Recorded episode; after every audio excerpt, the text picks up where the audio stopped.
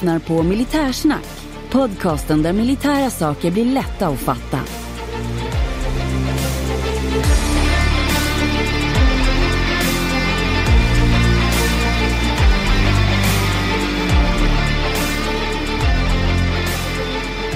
Jajamän, då har jag den stora glädjen att presentera ännu ett avsnitt av Militärsnack.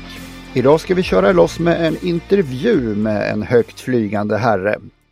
Och jag som pratar heter Henning Svedberg och på andra sidan vingen sitter Löjtnant Andersson.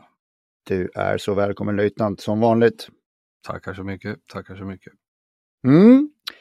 Det är fredag igen och vi har eh, lite roligt i pipan. Men innan vi stoppar pipan tänkte jag att vi skulle ta och hälla upp ett glas. Vad har du i glaset löjtnant? Mm. Idag så kommer det en, eh, en liten överraskning. Det var så här att för ett par veckor sedan, jag har sparat på den här lite grann, eh, så var jag i Söderköping, eller passerade Söderköping och eh, gick längs eh, Göta kanal Mm. och eh, letade lite efter en matbit. Och då hittade jag ett, eller jag och min fru hittade ett ställe som heter Lock, Hope and Barrel. Mhm. En liten restaurang som man hittar om man går längs kanalen. Och där i eh, ölmenyn som var ganska gedigen med mycket annorlunda öl så hittade jag en riktig enhörning. Eh, där dök nämligen Chimay grön 150 upp på flaska. Just, just. Du är ju svag för de där belgarna. Ja, absolut. Eh, Och, och Chimay normalt sett så finns det ju det finns ju guld, vit, eh, röd och blå och så. Att få tag på blå är ju den absolut vanligaste som i grunden är Mm. julöl. Men eh, Chimay grön eh, har jag aldrig stött på förut. Och eh, den heter 150 för att den skapades första gången 2012 till deras 150-årsjubileum i en begränsad upplaga om 150 000 flaskor. Mm. Och eh, det här är en, eh, ja, den är riktigt, riktigt, riktigt god. Jag behöver inte säga så mycket mer. 10 procent. Eh, det brukar ju folk rygga på att eh, oj, oj, oj, vad starkt. Men eh, det här är ju öl som är bryggd sån, så den smakar, Mm. ju inte, den smakar ju inte sprit som kanske andra, typ Arboga 10-2 som man kanske hällt sprit i. Utan det här, den är Mm. gjord sån och det är ju inte, det är ju inte konstigt att dricka ett glas vin egentligen. 33 centiliter. Nej. Ja, för den där måste ju förutom tillverkningssätt vara ganska så vinnära, kanske inte i smak då, men med alkoholhalt och på det sätt man dricker den. Jo, det blir ju så. Men det, det är ju inga som helst problem och, och de hade för övrigt eh, väldigt, väldigt, väldigt goda hamburgare. Mm. Så att eh, passerar man Söder, Söderköping så går man längs kanalen och hittar det här stället och de hade egen öl också som var väldigt, väldigt god. Kul, kul, Mm. kul. Ja, Och då krävs det ju en motfråga. Och då får jag ju fråga dig, vad har du tagit eh, i i ditt glas den här fredagen? mm. du minns att jag eh, före, förra helgen sa till dig att jag fått tag i världens godaste öl. Mm. Och det har jag då och då är det min världs godaste öl och det är ett öl som fanns på tillfälligt förr på Systembolaget, sen försvann det och jag var mycket mm, eh, bitter, eller bitter är ölen, bäsk. Eh, jag var lite besviken för Saltaire Titus Distinct, eh, Distinctive Yorkshire Bitter är ett öl som jag tycker är så fruktat gott. Mm. Systembolaget säger maltig smak med tydlig beska, inslag av apelsinmarmelad, mörkt bröd, knäck och torkad frukt.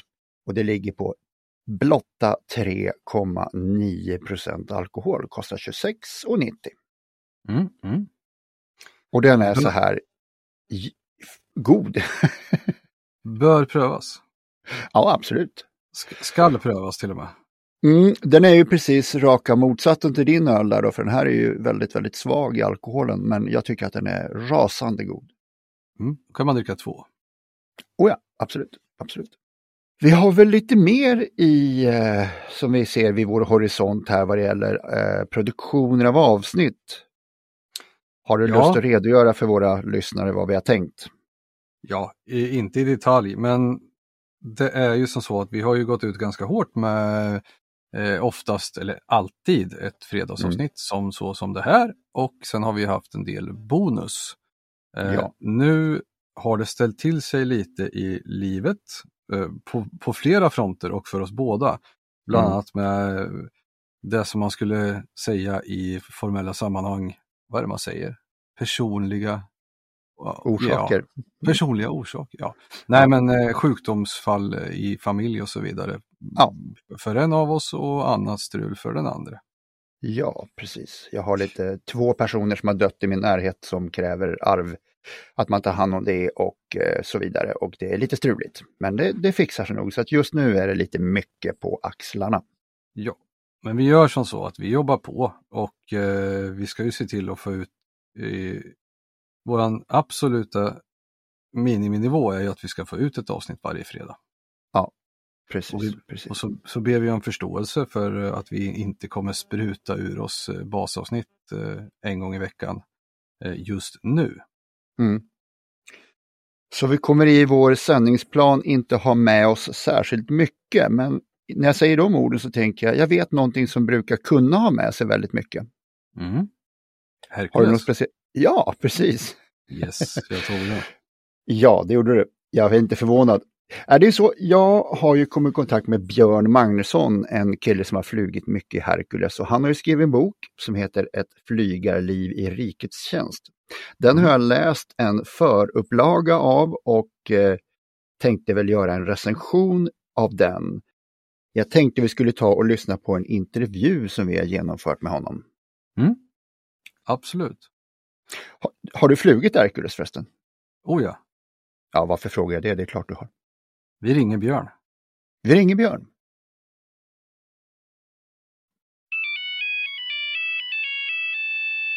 Jajamän, och med oss har vi då Björn Magnusson som alltså är författaren till boken i fråga. Hejsan Björn! Hej på dig. Hur mår Björn? Han mår bra idag. Det är bra. Kan du berätta lite för våra lyssnare vem du är? Eh, Björn Magnusson, eh, pensionerad flygtekniker och eh, har flugit Hercules i hela mitt yrkesverksamma, yrkesverksamma liv. Ja. Och det är ju faktiskt därför du är här, för att jag har ju läst din helt nya bok. När kom den ut? Den kom ut i sista juli Ja. Och eh, har väl sålt nu i cirka 200-300 exemplar. Mm. Jag fick ju ett av de förexemplaren som du gav ut och jag hade jättestor behållning av boken. Eh, jag hade, fick först en känsla av att du hade varit pilot och tänkte att när du inte var pilot så tänkte jag nej men det var ju det var inte så spännande. Men sen läste jag boken och jag måste säga att jag hade väldigt stor behållning av den. Mm, mm. Kul att göra. Ja, En av få som har, eh, som har skrivit, som är tekniker, som har skrivit en bok om flyg. Det är väldigt Ja. ovanligt. ja. kan du berätta lite om själva vad du gjorde som tjänst?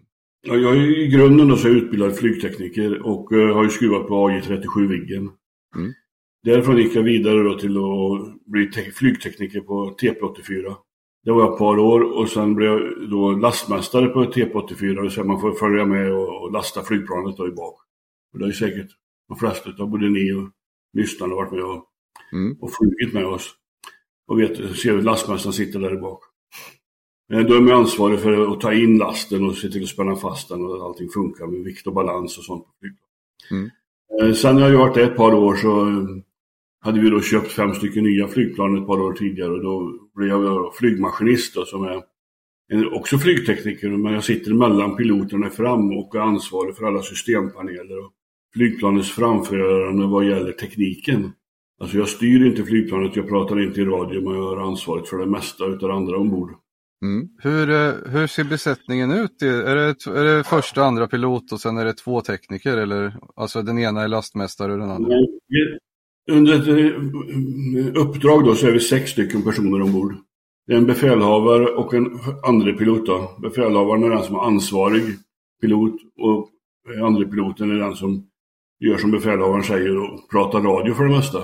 De byter naturligtvis av och gör, flyger lika mycket men ansvarsförhållandet är så. Sen har vi en flygmaskinist som är jag som sitter mellan piloterna och sköter panelerna.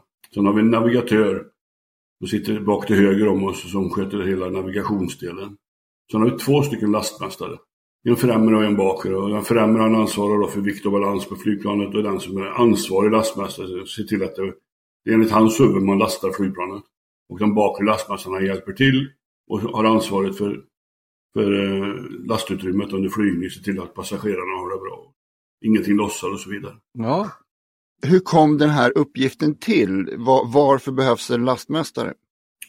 Ehm, ja, vi måste ju få in lasten på något sätt eh, i flygplanet. Och det, det, kan inte vem som helst göra och man måste spänna fast den. Och lasten ska sitta fast åtta gånger sin egen vikt i, i framåtriktning. Då. Om det skulle haverera så ska lasten verkligen sitta kvar i, i golvet. Eh, och det måste vara en utbildad kille som klarar av det. Man kan naturligtvis ha andra killar och tjejer som hjälper till. Men det måste finnas någon som är utbildad och kunnig i hur man spänner fast grejerna. Sen har vi ju hela utrymningsbiten om det skulle hända någonting. Eh, och få ut grejer och ifall det skulle bli en brand eller någonting. Okay. Sen är det också så att lastmästaren är också eh, flygtekniker i grunden och kan flygplanet. Så att om flygplanet går sönder när vi är ute och flyger, som jag skrivit om i boken, så har man hjälp av lastmästaren också. I, I, vissa fall så är lastmästaren duktigare än vad man själv är som ansvarig tekniker. Då, för att de har kanske gjort vissa typer av arbeten som jag inte har gjort. Ja. Och då får man ju ta nytta av den kunskapen. Så man jobbar mer som ett team. Jag antar också att ja. eh, jag antar att det liksom att det blir skillnad på flygegenskaper också för att eh, det är inte alltid man lastar och lossar på, på backen utan man kan ju även fälla, fälla personal men framförallt materiell, att det blir skillnad på, på liksom vad som händer med planet blir flera ton lättare. Ja, och dessutom så rör sig lasten bakåt i flygmaskinen då, och då blir det baktungt då, under tiden det rör sig bakåt. Och då är det viktigt att det inte fastnar någonstans. För då kan ju flygmaskinen bli oflygbar. Om det blir alldeles baktungt. All vikt ligger bakåt. Höjdrodret räcker inte till för att, att, att hålla flygplanet på plats. Jag har en, en, en historia i huvudet som jag inte kommer ihåg vem piloten var, men det var en norrländsk pilot som flög med sin DC-3 och fick frågor om han kunde transportera en massa får. Och det gjorde han. Problemet var att fåren flyttade sig och gick i, i skock i mm. flygplanet under flight, för de, de kunde inte säkras med åtta gånger sin vikt framåt. Nej, men de kanske skulle ha gjort det. Ja. Nej, man ska inte ha last som går omkring löst i flygplanet. Det är farligt. Det är livsfarligt. Ja. Men för att få en uppfattning här mm. nu bara eh, om, om själva planet innan vi går vidare. Du har förstått att det är sex personer i besättningen och det är ju liksom intressant ur ett systemtänk. De flesta tänker ju att en flygmaskin, att det är en pilot. Eh, men det här är ju ja. någonting annat. Men eh, hur, hur, mycket last kan vi ta i en Hercules om vi pratar eh, personal, alltså fallskärmsjägare motsvarande, eller ren vikt i last? N när vi pratar vikt då, så är det 20 ton maxlast i, i lastutrymmet. Mm. Det flyger vi väldigt, väldigt sällan med för då kan vi inte ha så mycket bränsle ombord. 15 ton, 16 ton är väl en rimlig summa, så här, maxvikt och praktiskt för att kunna flyga en längre sträcka. 91 personer kan vi ta i bak i flygplanet. 91 passagerare. Det finns 92 platser men den 92 platsen sitter ju lastmästaren på. Eh, och sen kan man ta upp till 74 fallskärmsjägare. Men eh, det är sällan det är så många. Utan de är, de, är, de är stora och tunga och klumpiga. De har ju sina ryggsäckar och system och grejer med sig. Så det brukar vara mindre grupper som går. Så då handlar det mer inte om vikten på dem utan då handlar det om utrymmesskäl att det blir det antalet just då? Ja, de har sina, du vet ju deras ryggsäckar ser ut att väga 35 kilo. De hänger ju så de har dem mellan benen så sen när de går framåt. Fallskärmen hänger ju på ryggen. Så de kan ju ta den där. Mm. Hur många år var du på Hercules? Eh, jag kom 1980 eh, och slutade 2008. Mm. Det blir 28 år va? Oj, ja. Är det, är det vanligt att, för jag har hört fler som har gått från, eh, från jakt eller attack eller spaning och sen hamnat just på Hercules. Är det en vanlig väg att gå om du är flygtekniker eller stridspilot, att man är på, på till exempel Viggen, och så, eller nu för tiden då JAS och sen hamnar på transport efter det? Ja, det var väl den vägen in förut. Förut var det så väldigt vanligt. Idag kan man gå direkt in, både som eh, pilot och som eh, tekniker. Men förr var det så att man eh, var lite erfaren när man kom så att säga. Både som tekniker och som, som pilot. Då. Och det har vi haft mycket nytta av, framförallt när det gäller att flyga och alltså piloternas roll ombord. De är mycket erfarna jaktpiloter och spaningspiloter och sånt, så det betyder att vi kan flyga ganska så lågt med våra flygplan, för de är vana vid det. Eh, de vet ungefär hur, man, hur jaktflyget svänger mot ett tungt flygplan som vi är. Då. Och, och så har vi då eh, lastmästare som talar om vart fienden är så att säga när vi tränar. Och tittar ut genom fönster i, i bak och i fram också naturligtvis. Och säger att nu är, säger piloterna, säg till när flygplanet är klockan fem i en viss sväng. Och då säger jag, nu, nu är han där. Och då svänger piloten åt andra hållet bara för att jäklas. Så inte jaktflygplanet kan få in ett skott på oss. Fördelen med oss är att vi flyger långsamt och kan svänga skarpt. Ett jaktflygplan flyger ganska så fort och kan också svänga så skarpt men inte så, på samma sätt som oss. Dagens flygplan borttaget för de kan ju svänga fruktansvärt skarpt. Är, är det verkligen tänkt att eh, Hercules, Herculesen ska användas i, när fientligt jakt finns i närheten? Nej, det är det inte. Vi ska inte vara i närheten av krig överhuvudtaget. Men däremot så flyger vi i krigsmiljö och då kan det hända. Alltså vi, vi, vi råkar illa ut av någon anledning. Vi flyger inte till flygplatser där de beskjuter oss eller där vi har stridsflyg mot oss. Men vi flyger till flygplatser som, eh, där det är oroshärdar och krig så att säga. Och det kan hända saker. Det kan komma upp eh, robotsystem som siktas mot oss, sådana här manpads. Men vet vi att det finns så åker vi inte dit. Det var min nästa, nästa fråga, eller det är en tvådelad fråga. Den ena var vad som finns för medel och motverkanssystem i, i planet och den andra eh, är väl eh, delat påstående och fråga och det är väl att eh, jag inbillar mig att eh, transport flyger mycket, mycket skarpt så att säga. Det är ju incidentberedskap med, men just att transport är i stort huvuddelen är ju riktiga uppdrag så att säga eh, som, som flyg, så kanske inte så mycket övning som, som andra. Nej, jag ska svara på din första fråga där med motmedel. Då så har vi två olika motmedelssystem och det ena är ju facklor då. Och det, facklorna de används ju mot eh, IR-robotar som går på flygplanets då, värmesystem, alltså de siktar på motorerna kan vi säga. Känner jag av det. Och sen har du ju remsor då. Och det är radarrobotar då, radarstyrda robotar. Och remsorna, det är ju som stagnolpapper kan man säga man skickar ut. Och radarn han tittar upp, han ser ju bara ett stort moln utan någonting. Så vi försvinner i det molnet. Och då går ju roboten på död räkning lätt fram bara, så det gäller för oss att svänga lite.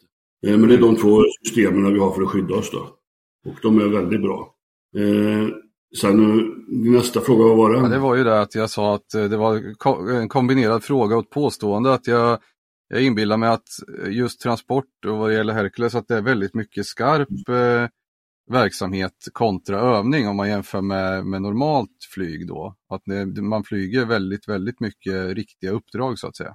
Ja, det blir ju så. Vi används ju även som ett transportbolag så att säga. Och lastar och, och flyger militära grejer. Antingen sånt som är köpt utomlands och ska tas hem eller inom Sverige från norra till södra. Då.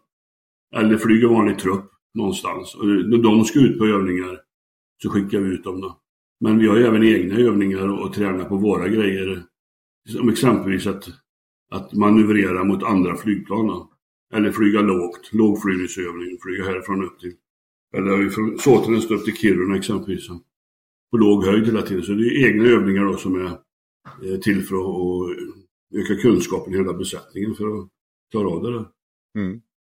Du var inne lite på hotfulla situationer här och jag vet i boken så är ni vid något tillfälle i Afrika och håller på att klargöra flygplanet för, eh, för att eh, sticka iväg igen. Då ni ser ett moln på horisonten växa. Det är alltså ett, ett fordon som är på väg i hög fart emot er. Vad var det för händelse? Ja, vi låg och flög, det var i Somalia. Eh, och eh, vi flög där nere för eh, Röda Korset. Och det här var ju under kriget då, alltså när, när ehm, amerikanerna gick in i Somalia och skulle skapa lugn och, lugn och ro där inne.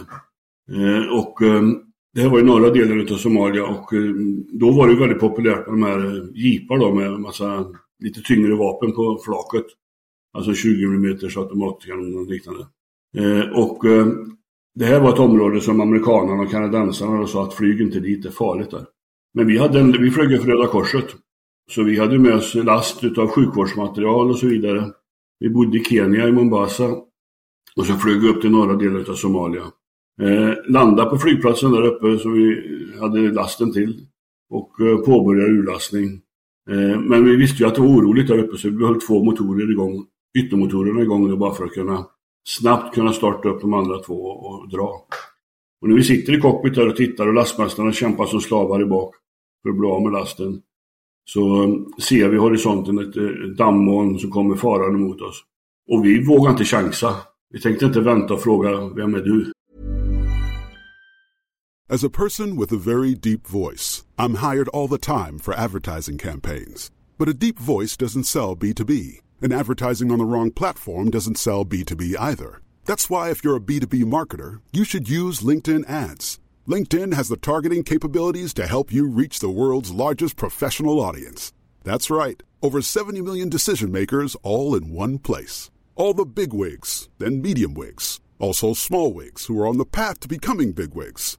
Okay, that's enough about wigs. LinkedIn ads allows you to focus on getting your B2B message to the right people. So, does that mean you should use ads on LinkedIn instead of hiring me, the man with the deepest voice in the world? Yes. Yes, it does. Get started today and see why LinkedIn is the place to be to be. We'll even give you a $100 credit on your next campaign. Go to linkedin.com slash results to claim your credit. That's linkedin.com slash results. Terms and conditions apply. Ryan Reynolds here from Mint Mobile. With the price of just about everything going up during inflation, we thought we'd bring our prices down. So to help us, we brought in a reverse auctioneer, which is apparently a thing. Mint Mobile unlimited premium wireless. Have to get 30, 30, bit to get 30, bit to get 20, 20, 20, bit to get 20, 20, bit to get 15, 15, 15, 15 just 15 bucks a month. So, Give it a try at mintmobile.com slash switch. $45 upfront for three months plus taxes and fees. Promo rate for new customers for limited time. Unlimited more than 40 gigabytes per month. Slows. Full terms at mintmobile.com. Utan eh, vi frågar lastmästaren istället hur lång tid har ni kvar? Ja, vi har två paletter kvar. Skicka ut dem fort som fasen för nu startar vi upp innemotorerna också. Och då gjorde de det. De skickade ut en på en truck som kom med en andra på marken. Eh, och det var, inget, det var inte att det skulle gå sönder någonting utan det var ju sängar och sånt så det höll ju för, för de där grejerna. Ja. Det var ju fastspänt också på paletterna så det var inget farligt. Eh, och samtidigt som de gjorde det då så startade vi upp motorerna och sen meddelade de klart tillbaka och då och påbörjade stängning av rampen och, dörren i bak. Då, då började vi taxa. Sen eh, var ju det en rysk, en gammal rysk militärbas och de har ju fyra kilometer långa banor och vi var mitt på. Så att eh, vi ställde upp åt det hållet som, motsatt håll som bilen kom ifrån så att säga. Och så drog vi med en gång. Det finns inga, där nere finns det ju inte någon trafikledning eller någonting utan Nej. bara åka. Så vi åkte där och så piloten han steg på, till 2-3 meters höjd och så tog vi in stället och in med klaffen. Och så accelererade vi iväg på låg höjd utöver steppen. Vi ville inte stiga för mycket och visa hela flygplanets översida för då hade de kunnat skjuta mot oss och få ett mål. Nu höll vi oss väldigt, väldigt lågt. Och så åkte vi iväg. Och sen när vi kommit bort ett par kilometer så började vi stiga. Och det går Ja. ganska så. Men eh, vi vet än idag inte om det var någon, det kanske var lokala prästen som ville komma ut och säga hej till oss. Eller det kanske var någon, eh, någon eh, bandit som ville skjuta på oss. Vi vet inte. Nej. Hur, långt, hur, långt, eh, hur lång sträcka behöver man ha för start och stopp om, vi- om vi pratar eh, normalfall och extremfall? Ja, I början med normalfall då så, fel lastade för att flyga ett uppdrag så rä- räknar man ungefär en kilometer då. Kanske lite till. Men eh, vi startar ju alltid motvind som alla andra flygplan. Eh, och sen i extremfallet, om vi är extremt lätta och eh, flyguppvisning och så vidare och visar då att vi ska starta och landa kort så ligger vi på 300 meter. Oj. Både start och landning då, 300 meter. Ja, inte på samma sträcka, men 300 meter start och 300 meter landning. Flygplanet accelererar då från 0 till 100 på lite över 8 sekunder. Du, du, är ganska en, en- teknisk förståelsefråga. Du pratade om motorerna här, att yttermotorerna var igång och inte inner. Eh, Kan man, kan Mm. man inte starta alla fyra på en gång så att säga, utan du måste starta två och sen två och då sparar det tid att ha två igång helt enkelt. Ja, ja både ja och nej. Eh, det är så att eh, våra startmotorer på, på Hercules är luftdrivna. Alltså det är en turbin då. Så att Eh, det får man, luften får man då när man har stängt, alla motorer är avstängda så startar man först upp en APU. Och APU är en liten hjälpmotor som sitter i vänster landställsutrymme. Eh, när man har fått luft och ström ifrån den så kan man starta upp motorn. Då, då kan man starta en motor. Eh, när man fått igång den motorn, då ger den luft ifrån sig också. Som man tar från kompressorn, sista steg. Och eh, då har du ju mer luft så du kan du i princip starta två samtidigt. Nu hade ju vi två stycken motorer igång och APUn igång och då kunde vi lätt trycka på startknapparna för motor nummer eh, två och tre. Ja, Okej, okay. så att den här APUn då, det är en vanlig liten, eh, ja, men en liten bilmotor skulle man kunna säga som drar en ja, kompressor? Och... En, nej, det är en jetmotor. Okej, okay, okej. Okay, ja. Mm. En väldigt enkel jetmotor. Den, den levererar ungefär 100 hästkrafter. Och på den sitter en generator och så vi har för starkström. Och det sitter en, eh, eh, man tar någon luft ifrån den också därifrån. Ett kompressorsteg. Startar man alltid med, eh, med luft så att säga, så det krävs en viss luftvolym och ett, ett visst tryck för att starta? Eller kan... Ja, vi måste alltid ha luft. Ja, vi måste alltid ha luft för att kunna starta.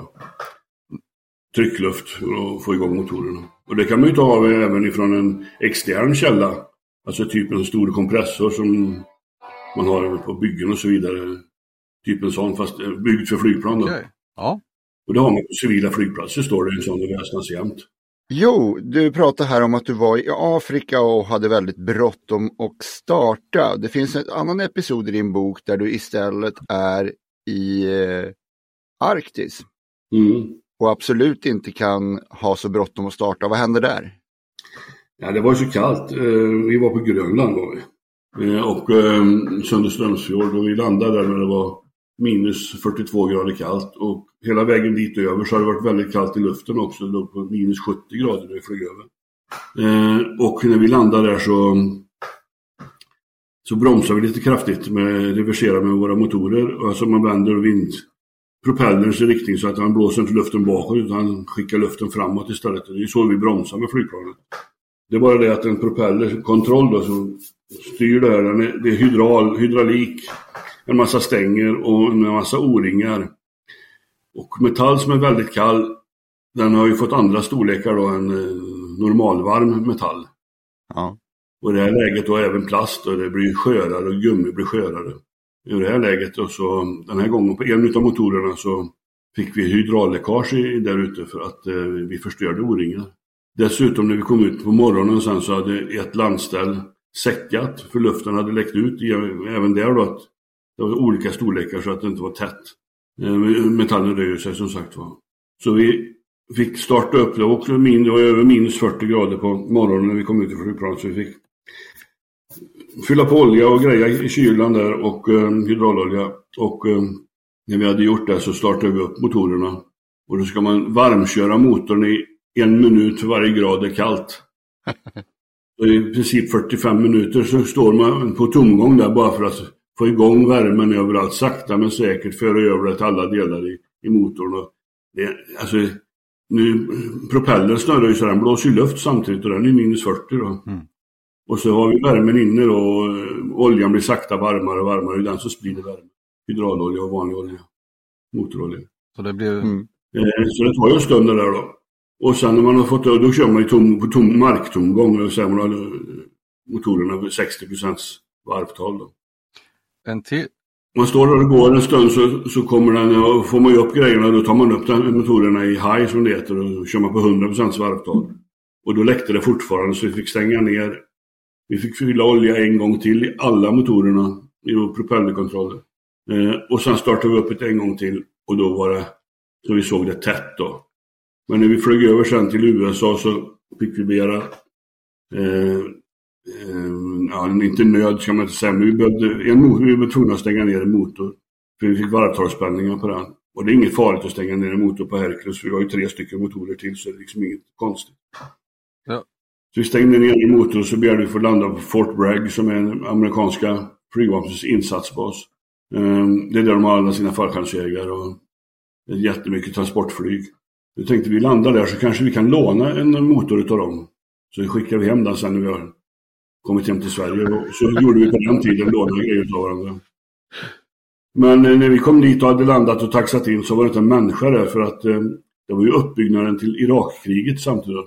Eh, och eh, de hade ju flugit över och skulle eh, anfalla där borta. Det visste ju inte vi om. Och tre dagar senare satt vi och tittade på tv på ett hotellrum där borta när de gick in och gjorde Operation Desert Storm i alla fall lånade en hangar där och eh, vi fick eh, beställa ett flygplan hemma från Sverige som kom över en motor. Och så bytte vi motor där i hangaren.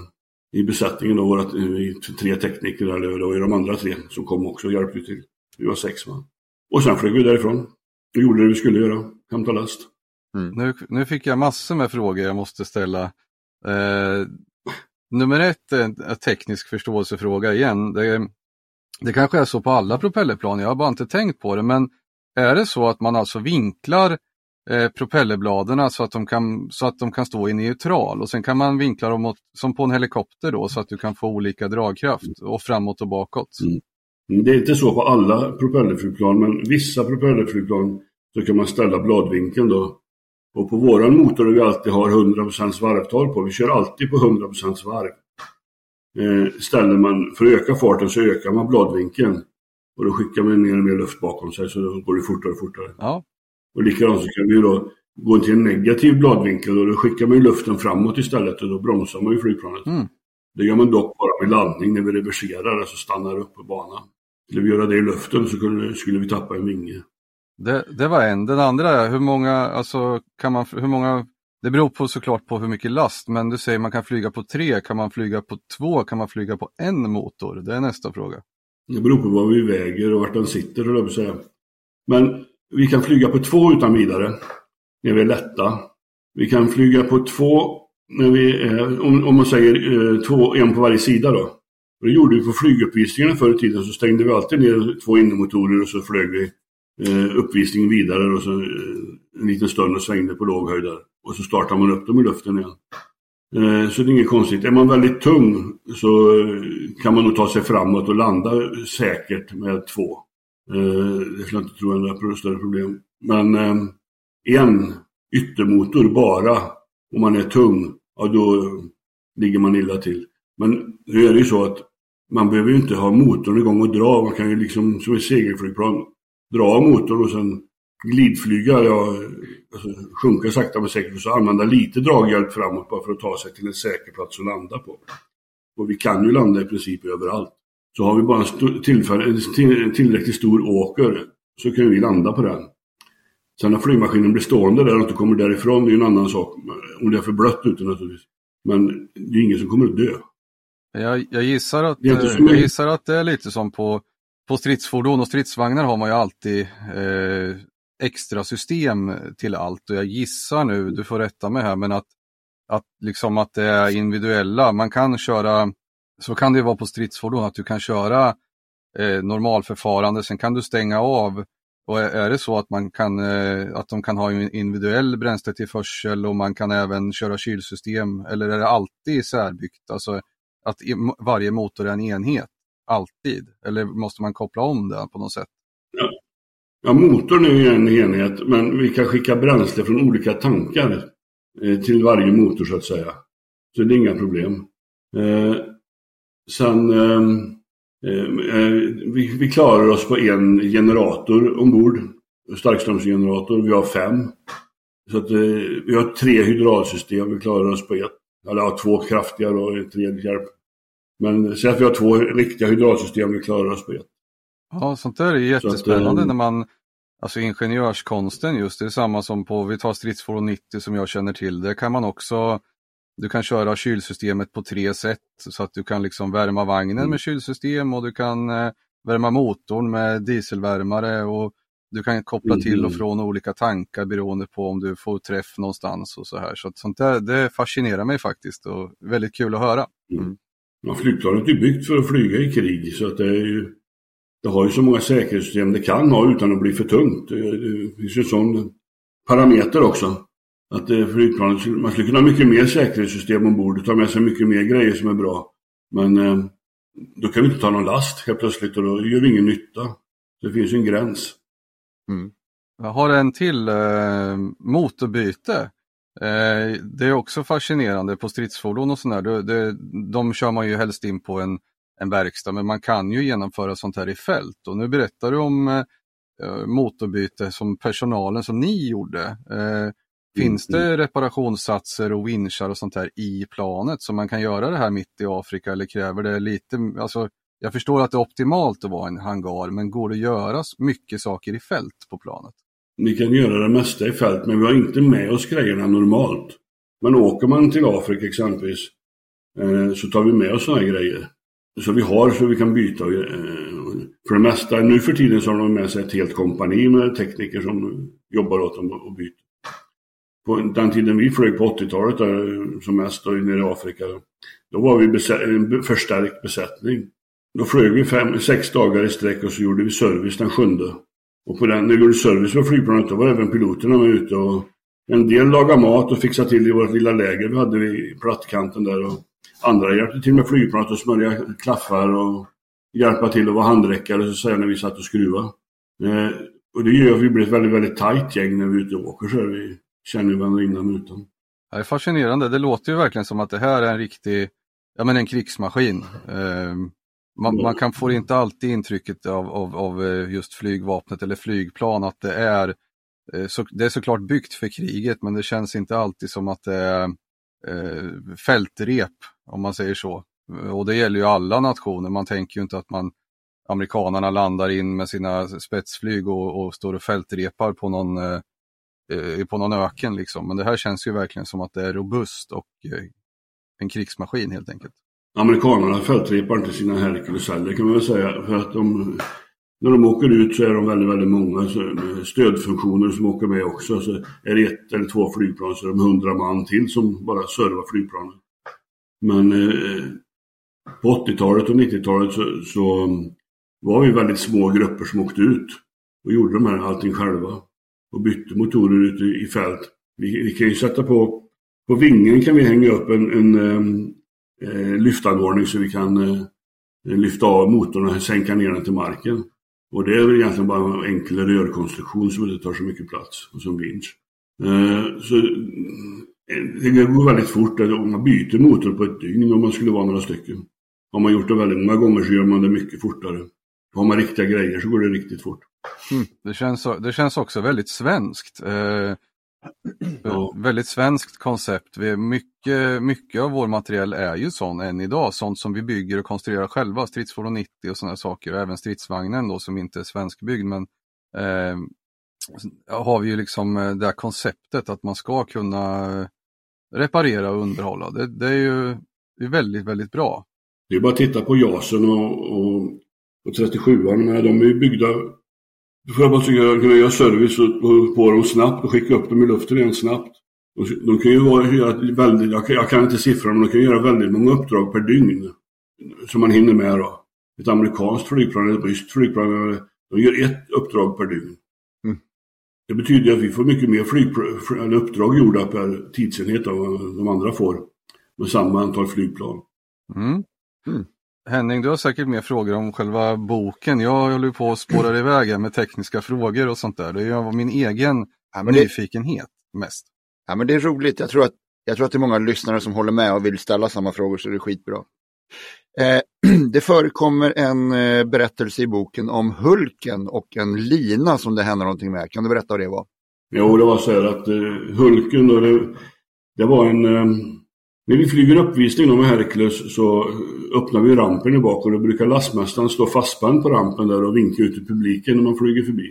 Det har ni säkert eh, Då på 80-talet där så spände vi fast oss med remmar som jag tyckte att de var inte riktigt gjorda för det där. Det var inte att det var farligt på något sätt men det var inte riktigt bra. Jag gillade inte de där grejerna. Och så jag gick och letade och tänkte vi måste hitta någonting annat. Så i, i hangaren hittade jag en jättebra eh, lina en orange lina, en riktigt rep. Det skulle varit 3 cm tjockt. Eh, och så en riktigt bra sele för att spänna fast sig i. Och den ska man ha när man klättrar på höga höjder då. Och säkra upp sig med. Så den var gjord för det. Då tänkte jag, den ska jag testa. Så då gjorde jag det. Jag drog in repet i lastutrymmet där jag skulle flyga uppvisning. Och, och så såg till att jag stod bra, allting var säkrat och tog på mig det. Jag stod väldigt bra och jag var ordentligt fastsäkrad i bak där. Eh, och så flög uppvisningar och var på, i Söderhamn på F15. På eh, generalrepetitionen så här på fredagen då. Så flög vi på ordentligt där uppe och vi svängde runt som vi skulle göra och jag stod på rampen. Och när piloten belastar då, när han svänger runt där så ligger han uppåt en 2, lite över 2G. Och då väger man ju dubbelt så mycket som sin egen vikt.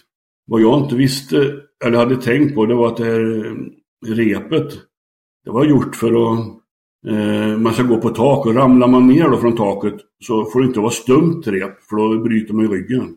Utan det ska vara lite elastiskt så att liksom det bromsar upp. Eh, så när vi belastar och jag blir tyngre och tyngre så blir linan längre och längre. Och det kändes som att jag stod och... Mm, alltså, eh, jag lutade ju mer och mer utåt i, i bakåt då, så att säga. Och det kändes som att jag stod rakt ut, alltså så, sen, istället för att stå rätt uppstående så var jag liggande utåt, så att säga. Jag lutade mer än 90 grader utåt. Nu, nu var det nog inte så mycket, men det kändes så. Eh, och sen, eh, jag hade ingen att prata med heller för vi var en lastmästare. På den tiden flög vi bara med en lastmästare bak på uppvisningen. Vi skulle spara folk. Eh, och eh, det var ingen som såg vad som hände och, och eh, så tog svängen slut och belastningen minskade. Och då drog ju linan in mig igen. Så när vi flög rakt fram sen då så, så stod jag ju upp där jag stod från början. Men det var lite spännande faktiskt där. Och, men jag kan säga att jag använde aldrig den linan någon mer. Det, Nej. det var världens första bungee jump i slow motion som genomfördes. Tänk om det hade varit så att jag hade tappat fotfästet. Nu gjorde jag inte det. Men att den hade blivit så lång så jag tappade fotfästet. Då hade jag hängt som en wobbler bakom flygplanet.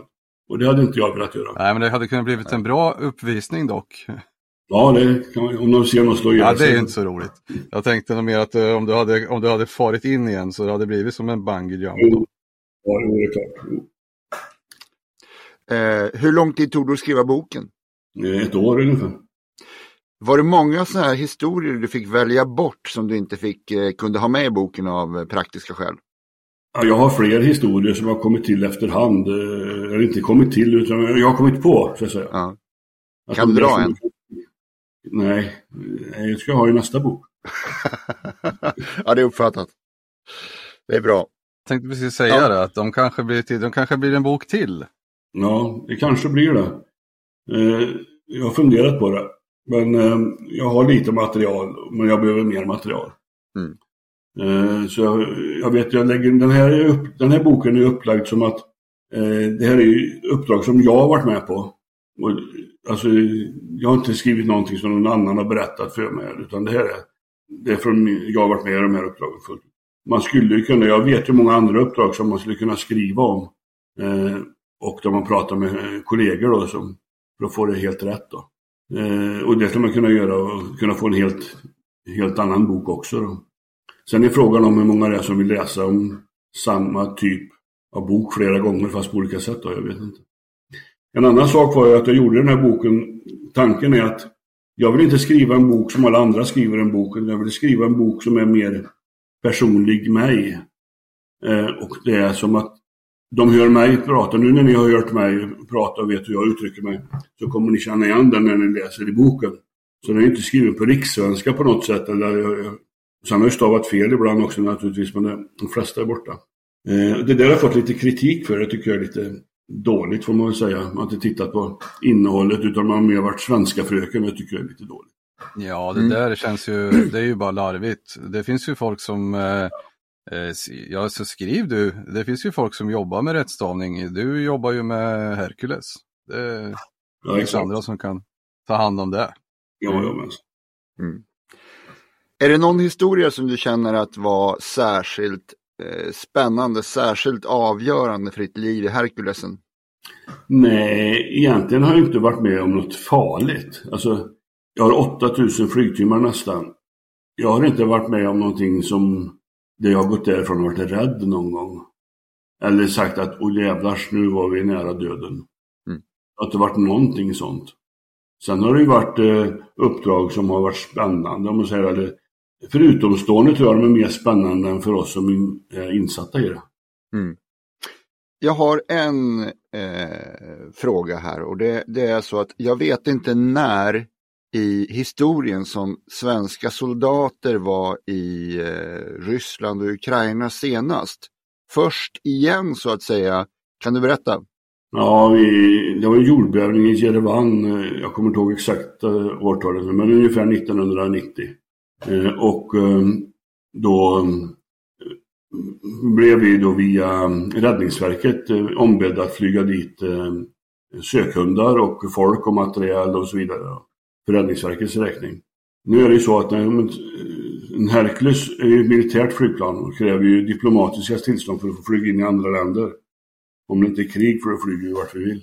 Men det här gick ju väldigt snabbt så vi åkte över, göra en lång historia kort och så landade vi i Moskva och så fick vi då visum där borta. Det tog eh, cirka 10-12 timmar. Eh, och då var vi militärer i våra uniformer och flygoveraller och så vidare i ett militärt flygplan i Moskva och skulle flyga vidare till Jerevan. Och vad jag vet så, det har visserligen varit svenska militärer i, i Ryssland förut, eller Sovjetunionen på den tiden. Men de hade ju varit inbjudna och hade allting förberett innan då. Vi var där utan några som helst tillstånd. Vi fick ju dem när vi kom dit då. Och var väldigt väl bemötta också sen, det var inga problem alls. Men det var lite roligt, då sa vi det att eh, var, hit kommer vi aldrig mer komma igen. Och Sovjetunionen försvann ju sen efter ett tag. Eh, och eh, så blev det Ryssland och så öppnades allting upp. Och så, det var ju väldigt trevligt att se Moskva, man kunde ut och svartväxla och äta god mat och göra massa grejer vi gjorde. Eh, men nu är det tillbaks eh, till ruta ett igen, som det ser ut. Det stängs ju till mer och mer och mer. Det verkar ju bli ett, ett sämre Sovjetunionen får man säga. Ja, det går ju tyvärr åt fel håll. Ja, det gör det. Hur, är, hur ser framtiden ut tror du om jag får fråga med transport? Alltså Hercules de är väl väldigt, väldigt gamla nu och eller livstidsförlänger man de här? Byggs det några nya eller tittar man på något annat alternativ? Och finns det någonting som är lika bra? Man har i 20 års tid letat efter um, att uppgradera cockpit. Det är avioniken ombord som är, är den svaga punkten. Alltså flyginstrumenten kan man säga och eh, det, navigationsinstrument som är den svaga punkten. Det finns ingen kvar som kan laga grejerna egentligen. Det är borta allting. Det är, det är som att förklara ett eh, tändsystem på en bil för en ungdom idag. De förstår inte vad ett tändsystem är. De vet ju bara vad elektronik är. Va? Eh, och eh, det har man letat efter och försökt. Men de har inte fått pengar till det för försvaret skulle ju läggas ner. Så det har liksom aldrig varit att nej, det, vi ska inte ha några pengar till det. Men vi måste ha det så man har letat. Nu hörde jag i våras här, och det, nu får ni ta det här för vad det är, det är hörs, hörsägen. Men eh, det, tanken är då att eh, vi ska få köpa fyra stycken italienska Hercules då, via Lockheed i USA som då graderar upp dem till senaste standard. Och dessutom ska vi köpa två stycken till splitter nya. Det är Johan-modeller som kommer i så fall då, med bra elektronik och så vidare. Men som sagt, ja, det här är hörsägen, jag vet inte mer än så.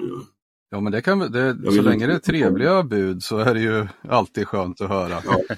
Det betyder ju att vi ska skrota de gamla då. Ja i och för sig, det kan ju bli sentimentalt också på ett sätt. Men, ja. men eh, det går inte upp, alltså jag kan tänka mig att det är andra saker med, även om man skulle uppgradera så att säga eh, kablage och el och sånt. Så jag tänker hela skrov och sånt måste väl utmattas med åren rent alltså materiellmässigt också. Ja, det gör det ju, men eh, viss utmattning finns ju. Men vi flyger inte så häftigt så att vi förstör det på det sättet. Alltså, man får inte belasta flygplanet för mycket och så vidare. Ja. Mm. Men det, det, här görs ju med regelbundna mellanrum. Då, så gör man ju service på flygplanen. Då är man inne och tittar för om det blir sprickbildning eller om det har hänt någonting i en plåt eller ute i vingar och sånt. Man tömmer tankarna på bränsle och kryper in och tittar där inne i vingen hur det ser ut ordentligt. Så det där har man nog väldigt bra koll på. Jag kan tänka mig att man också har eh, ganska mycket marginaler. Det har man ju generellt sett på, på allt i samhället, ja. men i, även i Försvarsmakten. Att man, eh, får man lasta x antal ton så finns det ju ytterligare buffert så att säga. Ja, det finns det. det, finns det. Björn, jag har ju läst boken här och jag tycker väldigt mycket om den och jag tycker att eh, många människor som är intresserade av det ska läsa den. Den kommer ju knappast vara på biblioteket förstår jag, men var får nästa läsare tag i boken?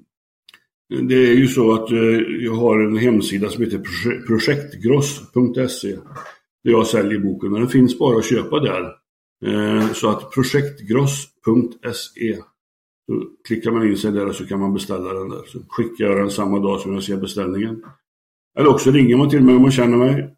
Eller går ut på Facebook och eh, skickar ett meddelande där så löser vi den biten också. Om man tycker det är besvärligt att skriva in sina kontonummer på kort och så vidare. Ring och prata med mig så löser vi det. Man kan swisha också. Mm. eh, det finns alla möjligheter. Sen försöker jag gå ute på flygdagar och sånt. Eh, men nu kommer hösten och då är det inga flygdagar förrän nästa sommar. Eh, så att det är just den här biten. Jag, kommer inte lägga ut dem på bibliotek och den kommer inte att komma till, till bokhandeln heller. Mm, mm. Ja, Björn, då får vi tacka så mycket för att du har varit med i vår intervju i Militärsnack. Mm, tack så mycket för att ni ville ha med mig. Ja, men det, det var givet efter att jag läst boken. Eh, ännu ett, ett gott betyg för den. Mm, tack så mycket. Tack. Ja. Då tackar vi så mycket Björn. Ha det så gott. Hej! Hej då, hej då. Hej, hej. Mm, löjtnant, vad säger du om hans berättelse? Ja, jättespännande. Eh, och som han nämner själv att eh, det kanske inte är så vansinnigt många tekniker som eh, ehm, har skrivit böcker, eller det är nog sannolikt bara han, men också att eh, de hamnar lite i skymundan. Eh, för att man tänker ju oftast att eh, ett flygplan, en pilot, möjligtvis två. Mm. Mm. Eh, samma med helikopter då, det finns ju andra befattningar också som är jäkligt vitala. Som, ja. Eh, som han faktiskt är, eller har varit. Mm.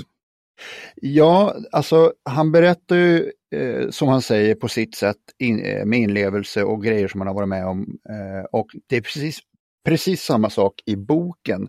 Vi, han tog ju upp några saker här, eller jag tog upp några saker som jag läst. Och det är mycket, mycket mer än det. Och han är ju intressant att lyssna på. Boken är otroligt intressant att lyssna på. Så jag vill ju säga så här att den korta recensionen är ju köp boken. Köp boken. Och boken köper du då i länken som finns i avsnittsinformationen. Jajamän, vi lägger upp en länk där. Mm. Nej, den är väldigt bra. Den är, eh, jag, sitter och skrattar ibland och, och, blir lite förfärad ibland och jag tycker att det är extremt fascinerande och det är så kul att det är en svensk som skriver, att inte allting är från britter, tyskar och eh, jänkare. Precis. Och vi ska ju försöka få till lite mer sånt nu. Vi har ju lite grann i röret här. Vi har ju Eh, basavsnitten förut handlade ju om Försvarsmakten i stort. Sen har vi haft våra politikerveckor och nu går vi in lite grann och faktiskt har hittat ganska mycket kvalitativa intervjuobjekt som ja. pratar både svenska och engelska. Ja. Och kanske finns det någon favorit som kommer tillbaks som folk har längtat efter. Ja, och det gör det. Blir lite nytt. Det gör ja. det. Och pratar vi sånt som inte är nytt, då pratar vi sånt som är gammalt. Ja, precis. Då pratar vi sånt som är längre tillbaks i tiden och då tror jag att jag vet vad det är du vill genomföra här nu. Japp, vi har vår dag i historien. Och eh, vi tar oss tillbaks till september, den 22 september 1980. Kan du gissa vad som händer då? Eh, jag är inte särskilt gammal. Det mm. är nummer ett. Eh, nummer två, eh, nej jag kan inte, absolut inte komma ihåg, men eh, kan det vara någonting med eh, Mellanöstern, Iran-Irak? Det är det, det är precis det. Eh, det var då Iran och Irakkriget som började med att eh, Irak invaderade sitt grannland Iran.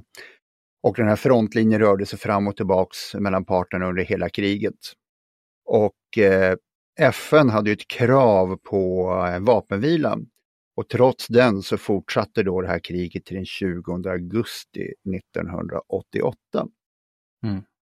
Ja, det kommer jag dock ihåg senare. Man kommer ihåg att man såg på nyheterna eh, när de vuxna tittar på Aktuellt och så. Så vet jag mm. att det var lite, man fick se några bilder som man kanske inte skulle ha sett när man sprang in i tv-rummet då. Det var ju de, bland annat någon gasattack där som eh, ja. eh, obehagligt. Mm. Ja, det tog hur som helst flera veckor för iranska styrkorna att utrymma det irakiska territorium som de hade tagit. Och de sista krigsfångarna utvecklades först 2003. 2003? Ja. En halv miljon irakiska och iranska soldater såväl som civila tros ha dött i kriget och många fler skadades. Men kriget resulterade varken i krigsskadestånd eller någon form av gränsförändringar som var helt i onödan. Mm. Generellt sett så är ju krig det. I alla fall ja. angreppskrig. Ja, jo precis. Vi har ju en grej till löjtnant. Ja. Vad skulle du? Och jag, ja. vet inte, och jag vet inte riktigt hur vi ska formulera den här. Vad skulle vi, vad, vad skulle vi flyga? Vad skulle vi frakta till vad? Eller hur? Jag släpper frågan fritt. Löjtnant, vad ja. skulle Ja, det är en svår fråga. Men det ska ju handla om Herkules då givetvis. Jag vet Jag vet inte att- riktigt. Ja, Nej, men jag- eh, ha, har du något? Har du något? Ja, ja, Ja. ja, jo. Jag säger så här, vilken är världens godaste öl? Mm.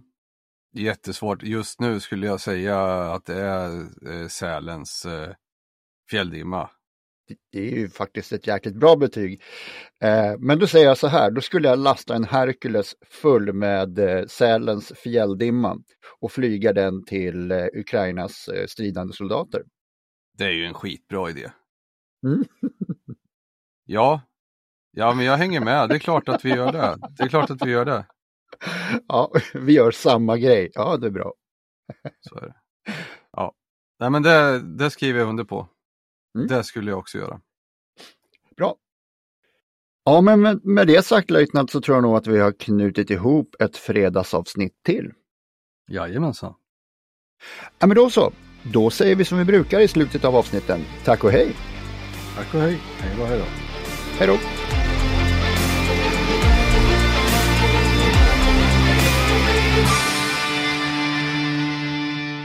Inte att gilla, dela och gärna prata om vår podd med de vänner du tror skulle gilla den.